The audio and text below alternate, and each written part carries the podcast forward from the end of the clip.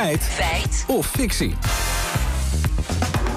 We gaan het hebben over elektriciteitsnetten, energienetten en de politieke partij Volt. Laura. Ja, ook Volt heeft van de week het conceptverkiezingsprogramma gepresenteerd. En daarin staat onder meer: we koppelen de Europese elektriciteitsnetten aan elkaar.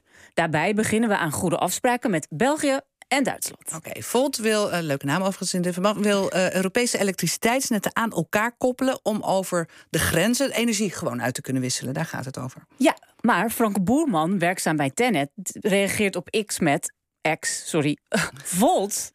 Dat bestaat al lang. Oké, dus we zijn het gaan checken. Inderdaad. Ik heb Ad van Wijk, hoogleraar Future Energy Systems aan de TU Delft gevraagd hoe dat zit.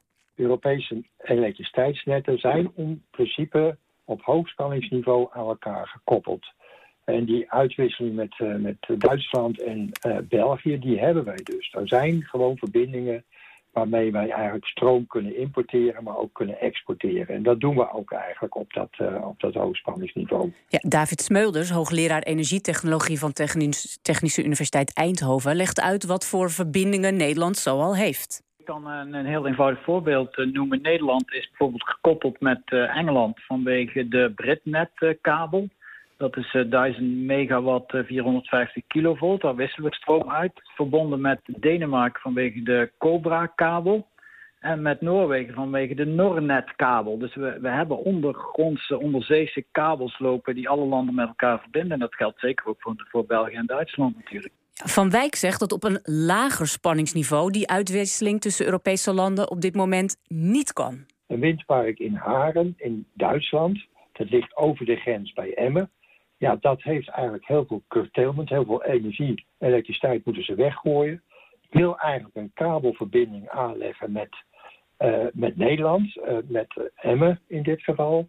Uh, maar dat komt niet voor elkaar en dat mag eigenlijk ook niet, omdat we op een lager spanningsniveau niet over de grens mag. Dus die regelgeving, daar moeten we nog wel wat voor verzinnen om dat inderdaad uh, goed voor elkaar te krijgen. Oké, okay. intussen Volt heeft ook weer gereageerd op dat bericht van Boermans. Ja, dat klopt. Ze zeggen dat het een fout is. We hebben ze ook nog om een reactie gevraagd en die hebben we schriftelijk gekregen.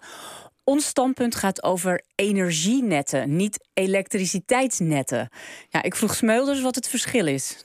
Elektriciteit is een onderdeel van energie. Uh, als je een energienet uh, bedoelt, dan zou je bijvoorbeeld ook over het aardgasnet kunnen hebben. Uh, ja, die zijn ook met elkaar gekoppeld. Want al het aardgas dat vroeger uit Rusland binnenkwam... dat komt natuurlijk via pijpleidingen naar Nederland. Ja, vervolgens vroeg ik Smeulers of dat aan elkaar koppelen van energienetten wel mogelijk is. Wat ik dus uh, opmaakte uit hun reactie is dat ze dus zeggen dat het binnen Nederland uh, beter moet. Dus, dus als je het hebt over energienetten binnen Europa, die zijn dus met elkaar verbonden.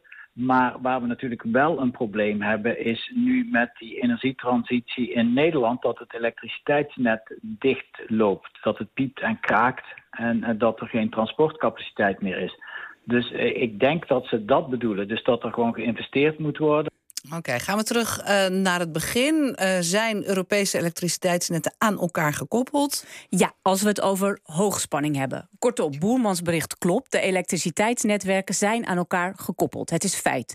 Maar dat weet Volt inmiddels zelf ook. Gevalletje foutje bedankt. Volt roept trouwens iedereen op om net zo grondig het partijprogramma te lezen als Frank Boerman.